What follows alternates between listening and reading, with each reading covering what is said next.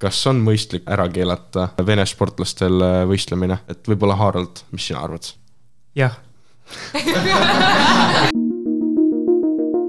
Te kuulate Ringjoont.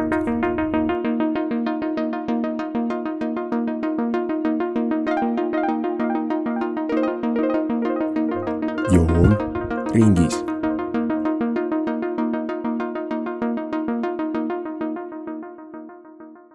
tere tulemast kuulama Ringjoont. mina olen teie tänane saatejuht Liisi, minuga on siin saates veel Jana. tere. Harald. tere. Oliver. tere kõigile. ja Anastasia. tere. täna me räägime spordist. sport on väga meelikütkestav teema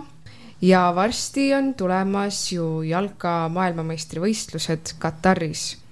aga Katar on selline huvitav koht ja rääkige siis, et miks üleüldse Kataris see toimub ja millised on need probleemid Katariga seoses, sest et neid probleeme on päris palju ja ma arvan, et neid tuleb ka juurde päris palju. No alustame põhiprobleemist, et üldse, et see kaks tuhat kakskümmend kaks FIFA lükati edasi talvesse, kuna Kataris on nii soe äh, kliima, et mängijad ei saakski füüsiliselt mängida suvel ja see ka vihastas väga paljusid jalkafänne, kuna traditsioon on olemas ja see, et üldse on talvel, see rikub traditsioone. teine suur probleem on see, et väga paljud äh, sponsorid lõpetasid äh, lepingud FIFA-ga, et just kõige märkimisväärsem on Sony ja Fly Emirates. oli ka vahepeal äh, juttu eelmine aasta, et Coca-Cola ja Adidas lõpetab lepingud, aga seda pole veel hetkel toiminud ja ma arvan, et inimõiguste suhtes on äh, kõige märkimisväärsem probleem see, et üldse Kataris on LGBTQ keelatud ja on ka kindlasti mängijaid, kes on LGBTQ äh, community's, aga osad tiimid on otsustanud selliseid võtteid teha, et näiteks Harry Kane, äh, Inglismaa kapten, ütles, et nende tiim kaks tuhat kakskümmend kaks Fifas kannab vikerkaare värvi käepaelu, aga nüüd Harald saab rääkida, miks üldse see toimub. jah, et äh selleks, et rääkida sellest, miks mm toimub Kataris aastal kaks tuhat kakskümmend kaks, peab kõigepealt rääkima viimasest kolmest MM-ist, mis on toimunud siis kaks tuhat kümme Lõuna-Aafrikas, kaks tuhat neliteist Brasiilias ja kaks tuhat kaheksateist Venemaal. et võib-olla see esimene tekitab kõige rohkem kulmu tõstmisi. põhimõtteliselt paljuski oli sama probleem, mis on nüüd Katariga, millest ma siis kohe hiljem räägin. valiti siis selline koht MM-i toimumiseks mis tegelikult ei olnud selleks üldse eriti valmis. seal oli korruptsiooni, seal oli äh, äh, muid niisuguseid jamasid. ja, ja noh, tulemus oligi see, et, et Lõuna-Aafrika, kus ka jalgpallitraditsioon ei olnud üldse nii tugev varem olnud, rajati mitmeid äh, tohutuid staadione, mis nüüdseks ei ole kasutuses, et noh, need klassikaline asi, mis ka tihti nagu olümpialinnakutega juhtub täpselt sama oli siis Lõuna-Aafrikas enamike nende staadionitega. ka inimesed surid neid ehitades ja igasugused õiguste rikkumiste probleemid olid. Brasiilia vähemalt on, eks ole, alati MM-il ja on ka võitnud kõige rohkem MM-e, see nagu pole nii kahtlane nagu selle osas. ja staadione oli ka palju, aga ikkagi rajati näiteks Manausasse keset Amazonast staadion, mida ei, ole kasutatud. ja on äh, wasteland põhimõtteliselt Äh, samamoodi jällegi pumbati tohutu kogus raha sinna ja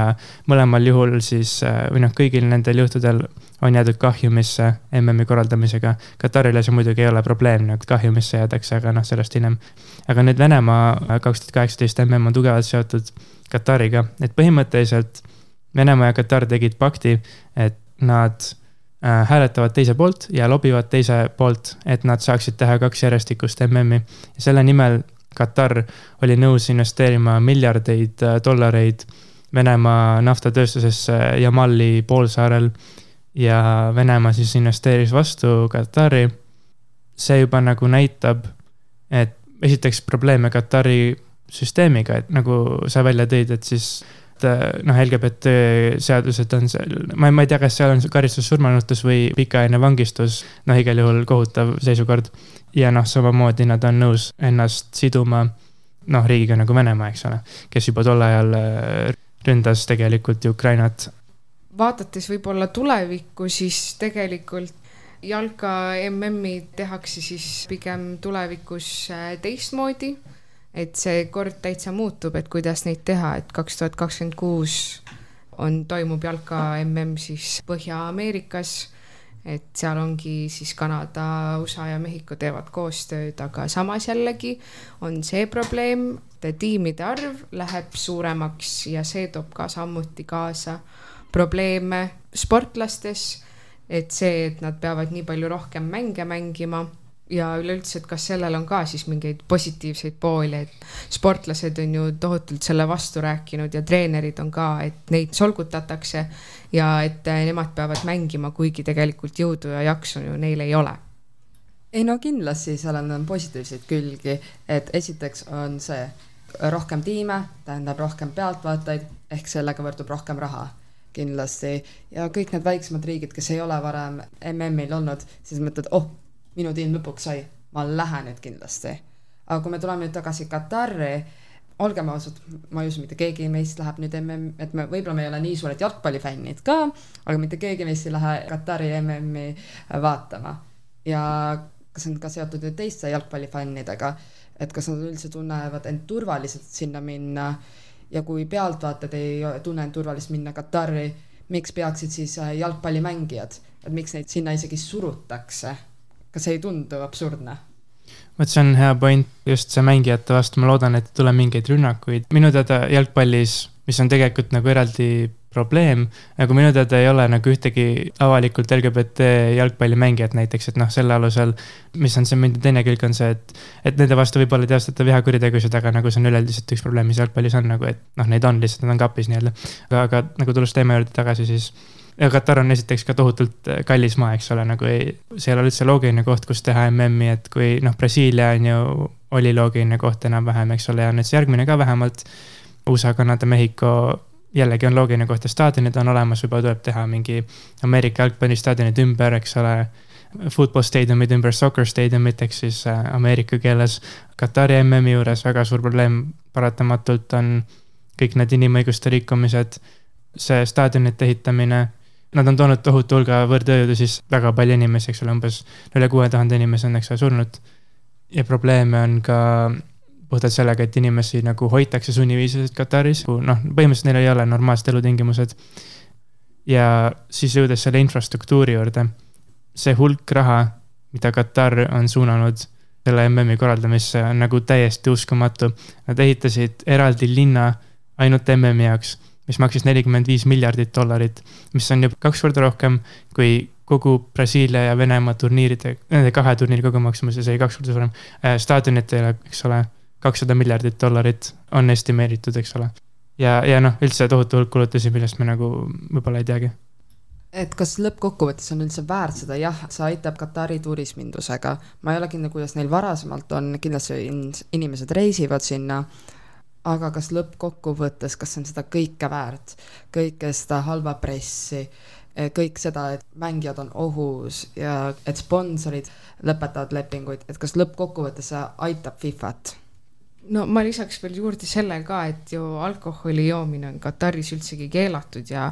jalgpall ja õlu on ju tegelikult ikkagi päris tihedalt käivad koos käsikäes, et, et jalkafänn tahaks ikka võtta staadionil õlle või kaks, et Kataris on, sellega on keeruline, et tehti siis nagu reegel, et nagu põhimõtteliselt lubatakse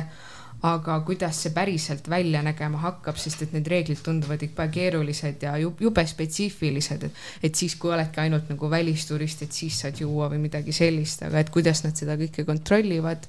ja üleüldse, et mina kui turist, kui ma peaksin minema Katari vaatama jalka MM-i, siis mina ei tunneks ennast ka turvaliselt, et see on jah, sa rääkisid mängijate turvalisusest, aga inimeste turvalisus, et selle peale peaks ka mõtlema?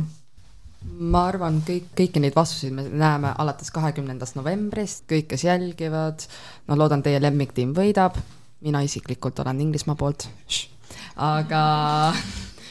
aga näeme ja vaatame, mis ajakirjanikud hakkavad kirjutama ja kuidas üldse jalgpallimängijate ja jalgpallifännide heaolu on seal ma korra laiendan lihtsalt, nagu asi, mis räägib nagu Fifale nii palju vastu. mitte ainult, et neil oli see pakt Venemaaga, noh veel see selleks, eks ole, aga nagu nad, Katar lihtsalt tuimalt maksis inimestele peo peale poolteist miljonit. et nad hääletaksid Katari poolt, mis on nagu, nagu see, see, et selline asi saab toimuda nagu veits uskumatu või noh, see on alguses uskumatu, aga kui sa juba tead, milline FIFA on, siis ei ole enam. aga lihtsalt see on nagu uskumatu, et maailma suurim spordiorganisatsioon, ma arvan, et see on seda, võib-olla olümpiamängud. see ROK, eks ole, võib-olla rohkem, aga teeb sihukeseid asju lihtsalt see on jah huvitav, et FIFA niimoodi täitsa avalikult ja nagu täpselt sellise tundega, et nad nagu uhkusega ütlevadki, et ja et me olemegi korrumpeerunud ja mis siis sellest. aga liigume edasi järgmise teema juurde, et pallist rääkides on ikkagi väga tähtis riik on siiski ka Venemaa ja Venemaa pidi ka alguses MM-ilt osa võtma aga seoses siis sõjaga neile pandi keeld peale kas räägite natuke sellest ka? võib-olla on seda hea isegi rääkida kronoloogiliselt. enne kahekümne neljandat veebruari Venemaa jalkas ei olnud absoluutselt mitte mingeid piiranguid ega sanktsioone. et kui võrrelda olümpiamängudega näiteks ja veel mõne spordialaga, siis juba enne Venemaal sportlastel olid nagu piirangud, et ei tohi kasutada Venemaa lippu, siis olümpiamängudel tuli nimetada neid mingil viisil. ROC oli nende lühend. ROC jah, Russian Olympic Committee vist on siis jah see muidugi oli paljuski ka nagu dopinguskandaalide pärast. mitte mingeid piiranguid ei olnud nagu seoses äh, nende agressiooniga Ukrainas näiteks. nüüd kahekümne seitsmendal veebruaril see aasta, ehk siis kolm päeva pärast äh, noh, ütleme siis eskalatsiooni, eks ole, noh, sest sõda algas kaheksa aastat tagasi äh,, siis FIFA määras Venemaale osalise keelu osaleda mängudel ja ma rõhutan osalise, et selle järgi siis Venemaa ei tohi Venemaal mängida FIFA matše ehk nagu peavad mängima neutraalselt või võõrsil. Äh, peavad nimetama ennast Football Union of Russia ja ei tohi Venemaa lippu kasutada. ja nüüd see ongi, see olüm-, olümpiakomitee juba tegi, eks ole, varem, aga alles nagu siis otsustas FIFA midagi tegema ja ma väidan, et see on nagu väga vastumeelselt. et nad nagu FIFA arvestades neli aastat varem, eks ole, oli mm Venemaal, kuigi nagu kõik need probleemid olid, rääkimata kõigest sellest sisepoliitilisest, mis Venemaal toimub, mis juba tollal oli ilmselge probleem aga kohe järgmisel päeval, kahekümne kaheksandal veebruaril tegid UEFA ja FIFA ühisest statement'i, et Venemaa on täielikult keelatud rahvusvahelistest mängudest osa võtmast ja samuti öeldi leping üles Gazpromiga, mis on hästi oluline, sellepärast et Gazprom oli UEFA jaoks ehk siis Euroopa jalgpallikomitee oli kõige suurem sponsor. see oli nagu ühtepidi suur asi, aga miks see muutus tuli üldsegi? UEFA võib-olla oli rohkem vastutulelik, aga just mis FIFA nagu arvamust muutis, oli lihtsalt see, et kõik jalgpallikonföderatsioonid Euroopas põhimõtteliselt ütlesid, et me ei mängi Venemaaga, nagu lihtsalt ei olnud nõus mängima Venemaaga. see, see olukord oligi nagu pakiline, sellepärast et just siis oli kohe tulemas see viimane voor Euroopas MM-i kvalifitseerumiseks ehk play-off voor, kus oli siis nii, et oli kolm neljatiimist gruppi, mille võitja saab MM-ile ja üks grupp oli Venemaa, Poola, Tšehhi ja Rootsi. noh, juhtus nii, et just need üsna või väga selgelt äh, Vene vastased riigid sattusid sinna. ja Poola oligi see, kes pidi mängima kohe nagu Venemaaga selles play-off'i poolfinaalis. ja Poola eest ütles, et absoluutselt mitte mingil tingimusel ei mängi Venemaaga. põhimõtteliselt olid nõus ise nagu mitte minema MM-ile, Poola lõpuks sai MM-ile, eks ole. ma arvan, et see oli see peamine asi, mis mõjutas, sest FIFA ise nagu vaadates kõike muud, mis nad on teinud, nüüd on võib-olla hea see kokku võtta, vaadates, kus on toimunud viimased MM-id, kui palju on korruptsiooni. viisakalt öeldes neil on suva, neid ei koti lihtsalt, teevad diile kõikide nafta suurmagnaatidega ja, ja šeikidega igasuguste firmadega ja igasuguste riikidega. aga noh, õnneks see tõesti aitas, et, et lihtsalt Poola on ju, Tšehhi, Rootsi ja, ja paljud teised riigid veel ütlesid, et ei, me ei tee niimoodi jah, kusjuures huvitav on see, et Ukraina oli teises play-off grupis. Äh, nii Venemaa kui Ukraina jõudsid siis nii-öelda play-off'ile, aga noh, Ukraina jäi MM-ilt välja, siis nad jõudsid sellesse play-off'i finaali nii-öelda, aga kaotasid Walesile. noh, kurb, ma oleks täiega Ukraina poolt olnud, aga pole hullu, Walesist sõidab Inglismaale. aga see on ka minu ennustus, aga noh, okei okay,, rääkides välispoliitikast veel, siis üks probleem, mille ma nüüd veel ära mainin, on see, et Valgevenele põhimõtteliselt kehtib see partial ban, mida ma mainisin äh, Venemaa kohta, mis alguses FIFA kehtestas, et nad peavad äh, mängima neutraalsel ground'il ja tegelikult nad vist isegi tohivad ennast nimetada Valgeveneks äh, ja enda lipust, nii et tegelikult isegi leebem, nad lihtsalt ei tohi mängida Valgevenes. mis on nagu veits äh,, arvestades, et nad ainult ei ole saatnud enda vägesid Ukrainasse, aga nad on kõike muud aidanud Venemaal teha. nii et nagu see ei ole minu arust ka okei okay.. aga see on siis UEFA kapsaaeda vist, sest et see, see, see kehtib siis selle järgmise euroturniiri ehk kaks tuhat kakskümmend neli turniiri kvalifikatsiooni jaoks. aga seal Venemaa õnneks jah, seal nad ei ole. aga jalgpalli teemadest on siis praeguseks hetkeks läbi, aga mitte ei ole rääkimine Venemaa spordist ja sportlastest. et Jana, räägi meile sina Vene iluuisutamisest ja mis seal toimub, et kuuldavasti on seal dopinguskandaalid toimumas, et ava meile natukene seda maailma. Alustan siis sellest, et äh, hiljuti avaldati meedias uus info Kamila Valijeva skandaalist, mis oligi seotud siis dopinguga. Ja see algas veel Pekingi olümpiamängudel. Ja tol ajal Camilla oli ainult viieteistkümne aastane ehk lapsel oli siis positiivne dopinguproov põhimõtteliselt ja ta oli ka peamine võidukandidaat, aga tema proovis tuvastati südamepreparaadi, mida isegi oli püüdlus ametlikult põhjendada seda sellega, et ta jõi oma vanaisaga samast klaasist ja kuna see vanaisa siis võtab seda südamerohtu, siis kuidagi sattus tema kehasse. aga tõenäoliselt oli ta sunnitud võtma selle preparaadi, kuna tema süda on lihtsalt ülekoormatud. vaatamata sellele, et lõpuks talle lubati võistelda, tal oli stressi tõttu palju kukkumisi ja ta jäi alla teisele vene uisutajale, kes oli samuti siis alles seitsmeteistkümne aastane ja hiljuti Russada, mis on siis Venemaa antidopinguagentuur ja on äh, uurinud Valijeva dopingujuhtumit alates Pekingi olümpiamängude skandaalist, hiljuti teatas, et nad ei kavatse mitte midagi sellel teemal avalikustada. ja see on seadusega tegelikult kooskõlas, kuna Camilla ongi nii noor ja see on lapse isiklikud andmed,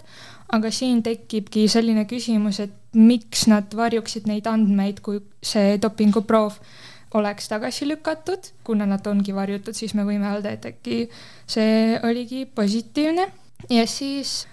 äh, iluuisutamises oli üks uus huvitav info selle kohta, et Rahvusvaheline Uisuliidu otsusel tõstatatakse siis täiskasvanute võistlustel osalemiseks nõutav vanusepiir. Ja see varem oli siis viisteist aastat, praegu see tuleb seitsmeteistkümnele ja vaatamata sellele, et Venemaa ja Valgevene sportlased siiamaani see võistluskeeld, on juba jutt sellest, et nad ei ole selle vanusepiirangu tõstmisega nõus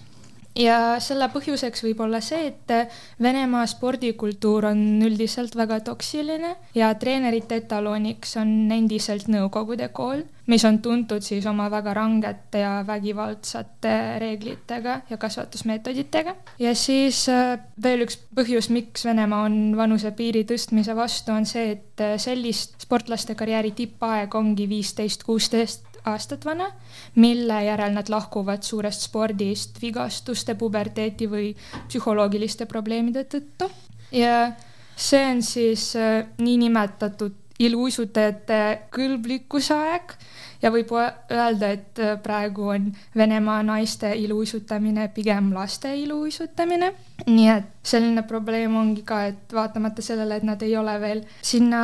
võistlustele lubatud, juba räägivad sellest, et ei, peaksid ikkagi lapsed ka seal osalema. jätkates olümpiamängude teemal on, oli ka see, et Rahvusvahelise Olümpiakomitee president ütles hiljuti, et Venemaa ja Valgevene sportlasi peaks rahvusvahelistele võistlustele lubama, kuna nad tulevad ühel hetkel niikuinii tagasi mis on ka väga selline vastuoluline asi, ta rääkis ka sellest, et sport ja poliitika peaksid olema lahus aga on räägitud, et tal on Venemaaga ärihuvid ja selle Rahvusvahelise Olümpiakomitee presidendil ongi soojad suhted Vladimir Putiniga. nii et ma olen nõus sellega, et see on lollus, et praegused reeglid, et nende nimi ei ole Venemaa, vaid on Vene Olümpiakomitee ja siis nad võistlevad ilma liputa ja hümnita ja see on nagu okei okay., minu meelest see ei toimi aga et kõik on juba selle sõjaga nii harjunud, et nad toovad lihtsalt Venemaa sportlasi tagasi, on väga vastuoluline olukord ka. Jah, seal ta ütles ka seal sõnavõtus, et selle klausliga, et ju, et need sportlased, kes seda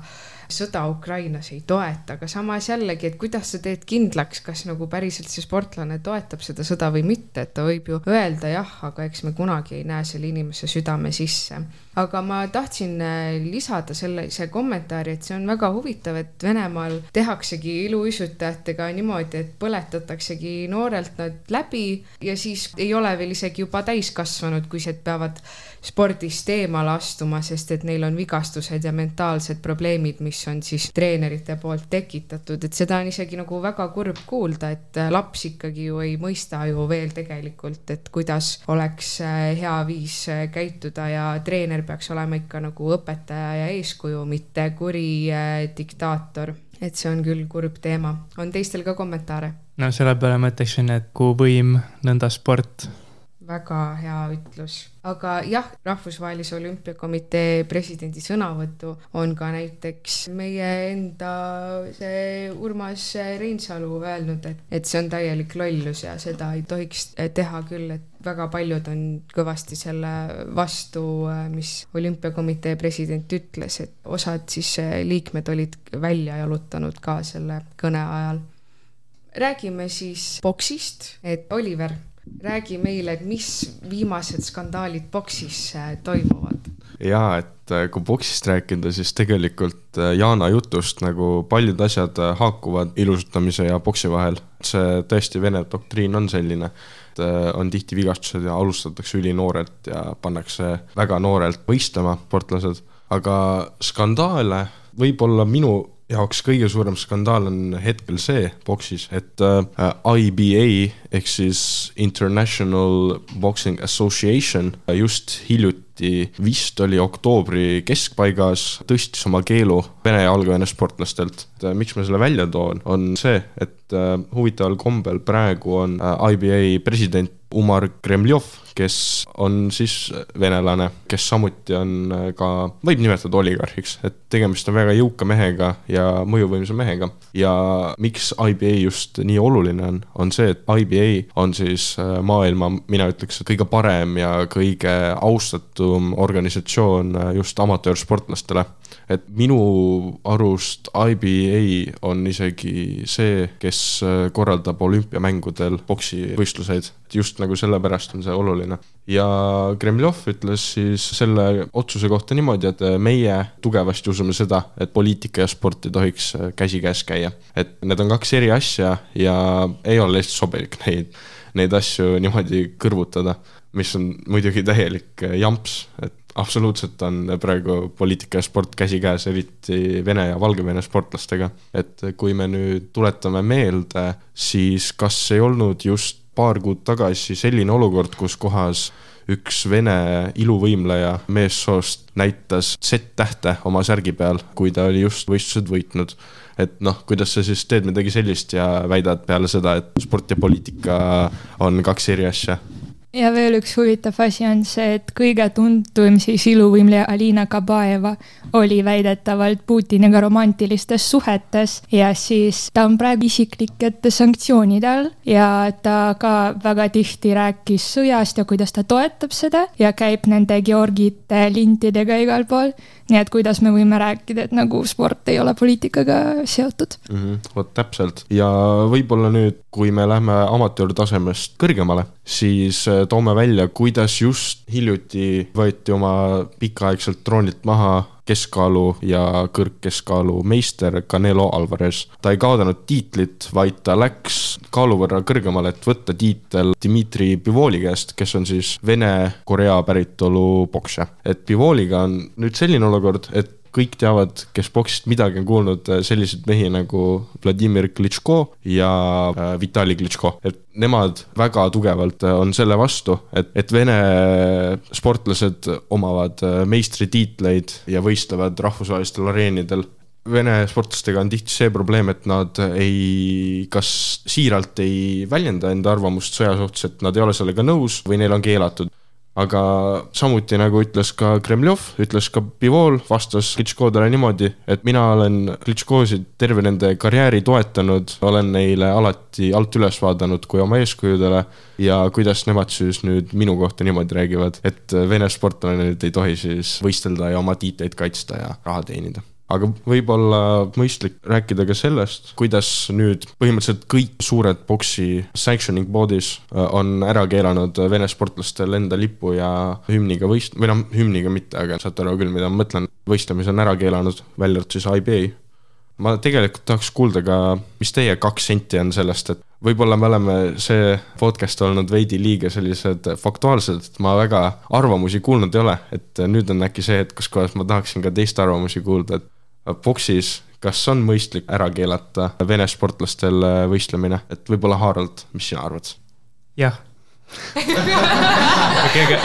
e-, e-, elaboreerides veits, jah, au äh, Kõivi linnapeale Vitali Klitškole. Ja siis jah, ma, ma kusjuures, mul oli ka kõrvu jäänud, et boksis on just kõige suurem probleem sellega, et tahetakse nagu, seda on hea kuulda, et ainult ühes organisatsioonis on veel lubatud äh, venelastel, aga nagu mu arust see läheb selle laiema teema, nii-öelda elephant in the room, eks ole, ma ei tea, kuidas hea nagu sisutõlge oleks eesti keeles, aga ma siis ütlen elevant toas ja keele puhtuses, et pange kõrvad kinni. aga et see elevant toas on siis see, et kas sport ja poliitika on lahus või on koos, no me oleme natukene sellest, noh, sa mainisid seda, aga ma arvan ka, et Venemaa ja Valgevene puhul hetkel see nagu, see ei ole lahus ma kohe nagu mälu põhjast ütlen seda, et näiteks üks vene, endine vene sportlane, laskesuusataja siis,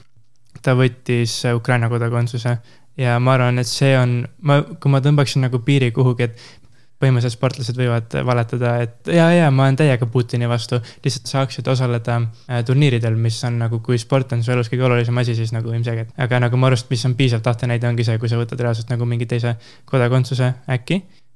vähemalt kui sa võtad Ukraina oma, nagu see antud juhul näiteks küll. aga see on ka muidugi nagu libe tee, et seda on spordis palju olnud, äh, võetakse näiteks kui tulla korraks Katari juurde tagasi, siis seal on mitu brasiillast tiimis näiteks. Äh, või noh, neil on Katari kodakondsus, sest muidu nad ei saaks Katari eest mängida. aga nad sündisid brasiillastena, mis on juba sihuke nagu hall ala. ühesõnaga lühidalt ma ikkagi arvan jah, et äh, antud juhul see teema on nii palju kõrgem kõigest nagu muust, see on isegi poliitikast kõrgem teemast, et me räägime inimeludest, me räägime kogu maailma säilimisest, kui on siin nagu mingid tuumapommiga ähvardamised, isegi kuigi noh, ma pean seda vähemalt ise väga ebatõenäoliseks, et midagi sellist juhtub, aga kui juba keegi ähvardab tuumarelvaga, siis nagu absoluutselt see ei ole okei okay,, ühesõnaga. ja minu arvates see on paratamatu, et me nagu keelame Vene ja Valgevene sportlastel praegu osaleda võib-olla ma nüüd lisan, et äh, selle kodakondsuse vahetamisega mul tuli sihuke asi ka nüüd mõttesse, et kui raske oleks Vene sportlasel vahetada oma kodakondsust Ukraina kodakondsuse vastu. et äh, tõenäoliselt selleks sul peab olema ikkagi mingisugune sugulus äh, ka Ukraina rahvaga, et ma oletan, et laskesuusatajal oli, ta on kas sealt üldse pärit või ta vanemad on sealt pärit, aga ma arvan, et tegelikult võib-olla ei olekski nii raske vahetada, sest Venemaal elab pea ju kaks miljonit ukrainlast ja juba isegi kui nüüd Eestis rääkida paljude venelastega,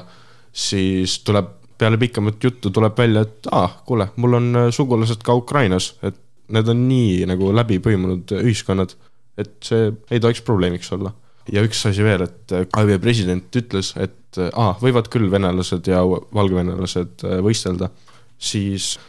IBA alla lähevad veel nagu väiksemad sellised äh, sanctioning body'd, äh, mis on nagu riikidepõhised, et näiteks Eestis on äh, EBA, Estonian Boxing Association, et mille president on, see oli vist Kalle Klandorf, kui ma ei eksi, ma igaks juhuks vaatan üle.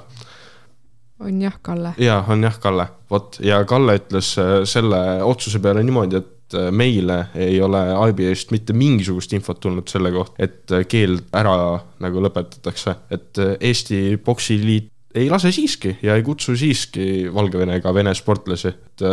ja Kalandorf ütles väga hästi selle kohta, et aa, sport ja poliitika peavad lahus olema. Kalle Kalandorf ütles, et peale sellist katastroofi, mida see Vene Föderatsioon on tekitanud maailmas, ei ole kohe kindlasti enam sport ja poliitika lahus, et Vene sportlased teadupoolest on ikka väga pädevad ja nende doktriin on ikka tõesti väga selline pädev, et kui Vene sportlased tulevad siia, siis või noh, mitte siia, vaid üldiselt ükskõik, kuhu nad lähevad, siis teatud määral neil see patriotism on ikkagi päris suur ja inimesed ei unusta oma juuri nii kergesti, et mina arvan küll, et kui Vene sportlane võidab, siis ta on väga uhke selle üle, et ta on venelane ja tõi taas kord kulla koju. Ma ütleks selle peale seda, et kõik need, kes on öelnud, et jaa, et sport ja poliitika peaks olema eraldi või siis üritanud nagu välja näidata seda niimoodi, et kas siis FIFA või siis seesama äh, olümpiakomitee president, et neil on ikka nagu mingid ärid mängus, et poliitika ja sport on eraldi, aga äri ja sport käib nagu palju paremini kokku, et see on minu jaoks nagu väga huvitav ja veider ma mõtlesin veel rääkida sellest, et Oliver mainis, et Vene sportlased on kõik hästi pädevad, aga samas ongi see probleem, et kui äh, tulebki selline juhtum, kus siis nad ei olegi kõige esimesed, et siis, äh, siis hakatakse karjuma ja jalgu trampima. et kahe tuhande kahekümne esimesel aastal siis Venemaa kaotas äh, iluvõimlemises olümpiakulla esimest korda aastast tuhat üheksasada üheksakümmend kuus ja venelased on selle peale väga vihased, et kas keegi tahab veel sellest ka natukene rääkida? ma võib-olla sellest ei tahaks, aga ma võib-olla tooks selle välja, et üsna palju nagu olen jälginud, mis vene sportlased ütlevad nende keeldude ja asjade kohta, siis tõenäoliselt nagu vene sportlane ei pruugi ju üldse teadlik olla sellest, mis äh, toimub Ukrainas ja mujal maailmas, et see propagandamasin Venemaal on ikkagi ülimalt pädev ja Putin on tõesti staarpoliitik selles suhtes, et ta oskab väga hästi oma agendasid läbi viia. et äh, Vene sportlased tõenäoliselt ei näegi, et aa, Venemaa ründas Ukrainat, aga miks te meid karistate, et mina teen ju ainult sporti, et mina tulen ainult äh, medalit võitma aga teie nüüd hakkate mind karistama, et nagu vene sportlastele see võib tõenäoliselt äh, veidi kopsu üle maksa ajada küll.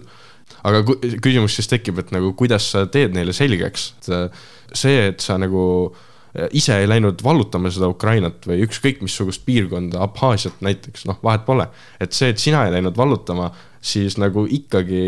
sinu režiim tegi seda ja kui sa nagu oled selle režiimi kodanik ja patrioot, siis need sanktsioonid peavad ka sulle levima, et ei ole midagi teha see on tegelikult täitsa tõsine probleem, et kuidas me siis ennetame või aitame siis Vene sportlased need sellest propagandaaugust välja, et nemad saavad täpselt samamoodi nagu teised Venemaa kodanikud äh, maast ja madalast, et seda propagandat, et toidu peale ja toidu alla, et see on natuke või noh, see on isegi täitsa kurb. aga on teil lõpetuseks veel mingeid äh, asju, mis on teie hinge peal? võib-olla lühidalt räägiks veel teistest riikidest, kui Venemaa e-spordi seostest ah,. esiteks, et see äri ja spordi paralleel, see on ülihea, mulle väga meeldib, nagu et paratamatult sport läheb sinna, professionaalne sport läheb sinna ja tuleb sinna, kus on raha, eks ole, ja sport on ka paljudele nagu ärimeestele sihuke nagu prestiižikas asi. lisaks tihti need inimesed, kes on ärikad, on ka võimul, sest et võimule meeldib ka raha ja rahale meeldib võim, no ühesõnaga, aga oli Iraanist rääkida. no ilmselt meie kuulajad teavad üldjoontes, mis seal toimub, et peamiselt naiste protest või no tegelikult nagu kõigi protest, aga nagu see algas jah sellest, et üks äh, tüdruk kadus ära ja siis äh, selgus, et ta suri äh, politsei äh, ülekuulamisel ja põletatakse purkasid ja noh, ja hidžaabi ja no põhimõtteliselt ongi üks Iraani mägironija Elnaz Rekabi siis võistis ilma hidžaabita ja siis ta kadus ära, õnneks ta tuli tagasi, nagu ma aru saan, ta jäi ellu see on tore. aga lihtsalt Iraanist veel rääkides, et see teema pildile tuua, äh, sellega on ka tegeletud ja Iraani ülestused tegid petitioni, et Iraan, kes, nagu ma mainisin, on ka pealegrupis MM-il osalemas praegu koos USA, Inglismaa, Velsiga, mis on noh, väga see, et USA ja Iraan on samas grupis, on nii naljakas. ja eriti veel noh, praegu tehti petition, et Iraan ei äh, osaleks MM-il ja ma olen kahjuks kindel, et see ei lähe läbi, sest et see teema ei ole praegu relevantne, aga nagu just seda välja tuua, et see on endiselt nagu probleem ja see on endiselt asi ja kõik muu toimub maailmas edasi peale Venemaa-Ukraina sõja. samamoodi siin on mingi märge Iisraeli sportlase kohta, kellest ma kahjuks mitte midagi ei tea, aga ma ütlen selle kohta, et kui ma täna videoid vaatasin selleks saateks, siis oli ühe video all, mis rääkis Venemaa keelamisest äh, FIFA mängudelt oli üks palestiinlane, kes kirjutas, et äh, mis mõttes ikka veel Iisrael ei ole keelatud ja aus, aastakümneid Iisraeli pole keegi mõelnud ära keelata sealt osalemast, aga sport ja poliitika, kui vaadata seda, et Venemaa keelati ära. idee poolest äkki peaks. ja võib-olla veel ma ütleks seda ka, et kui Harald nüüd tõi siin veel olümpiamängud ka sisse, et ma just lugesin, et Vene sportlastel siiski lubatakse äh, kahe tuhande kahekümne teise aasta paraolümpiamängudel osaleda, millel oli siis ülimalt suur backlash äh, terve läänemaailma poolt, aga jah, sellega siis nii, et lihtsalt tahtsin mainida. samuti mainiks seda ka veel, et äh, olümpiamängudel äh, Vene sportlastega on üsna palju ka dopinguprobleeme olnud, ma nüüd ei oska aastat nimetada, aga kas ei olnud mitte kaks aastat tagasi, kui äh, oli suur dopinguskandaal Vene suusatajatega ja selle eest pandi neile penalt peale, et nad peavad olümpialipu all võistlema ja hümni ei mängita, et, et võib-olla midagi sellist oleks lahenduseks. Ja samas see on väga huvitav, sest venelased räägivad, et see on nagu russofoobia, et me lisame uusi preparaate. Nagu nendesse suhtutakse nagu dopingusse, aga Venemaal need on tavalised ravimid. ja sa ei saagi nagu vastu vaielda, sest et Venemaal ongi nagu, seal on ravimeid, mida läänes keegi ei kasuta. selliste sõnumitega siis äh, lõpetame ja tuleb välja, et sport ja poliitika vahest hoiavad äh, küll mitte käest kinni, aga näpukestest küll. oli tore, et kuulasite ja loodan, et nautisite